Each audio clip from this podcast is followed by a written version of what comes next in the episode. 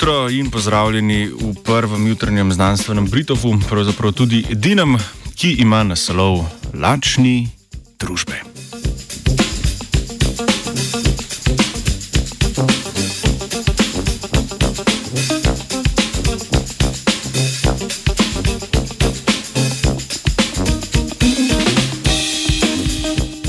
Tokrat v znanstvenem Britofu poročamo o vplivu socialne izolacije na možgane. V raziskavi objavljeni v reviji Nature so znanstvenice in znanstveniki pokazali, da se po odrejeni socialni izolaciji kot reakcija na slike druženja sproži možganski odziv podoben hrepenenju. Podobno možgansko aktivnost zaznamo tudi pri reakciji na slike hrane, potem ko več ur čutimo lakoto.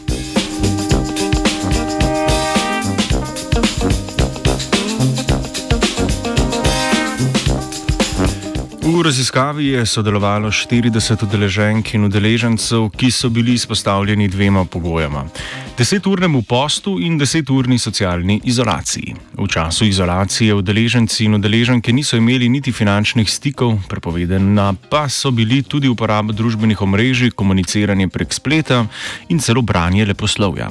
Kontrolna skupina pa je dan preživela kot običajno.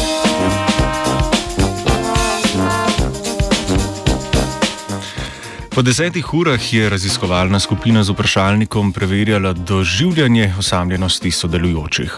Sledilo je prikazovanje slik bodi si hrane, bodi si socialne aktivnosti, za kontrolo pa so raziskovalci uporabili slike cvetlic. Ob tem so merili aktivnost možganskih regij s funkcionalno magnetno resonanco ali fMRI. Ta posredno meri pretok krvi skozi možganske predele, kar povezujemo s povečano aktivnostjo. Večji pretok krvi namreč pomeni več kisika in glukoze za možganske celice. No, no, no.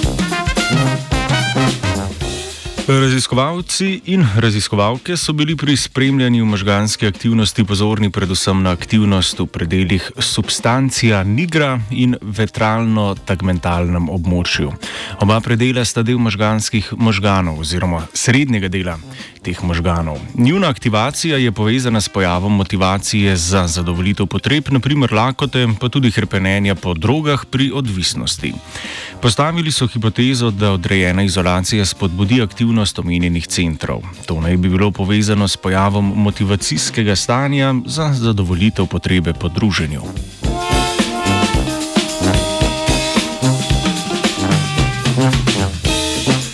Raziskovalni skupini je uspelo potrditi, da se aktivnost omenjenih možganskih predelov poveča, če osamljenemu človeku pokažemo slike družbenih dejavnosti, podobno kot če lačnemu človeku pokažemo slike hrane. Stopnja aktivacije je kor korelirala tudi s stopnjo doživljanja hrepenenja.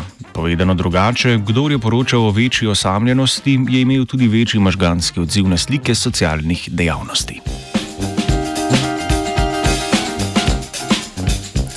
Zanimiva podrobnost raziskave pa je pokazala manjši odziv na slike socialnih interakcij po izolaciji pri ljudeh, ki so pred raziskavo poročali o pogostejši kronični osamljenosti tudi v vsakodnevnem življenju.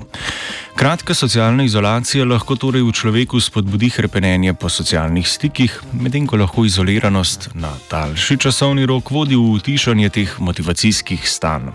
Seveda pa to ne pojasni vzročnega mehanizma kronične osamljenosti.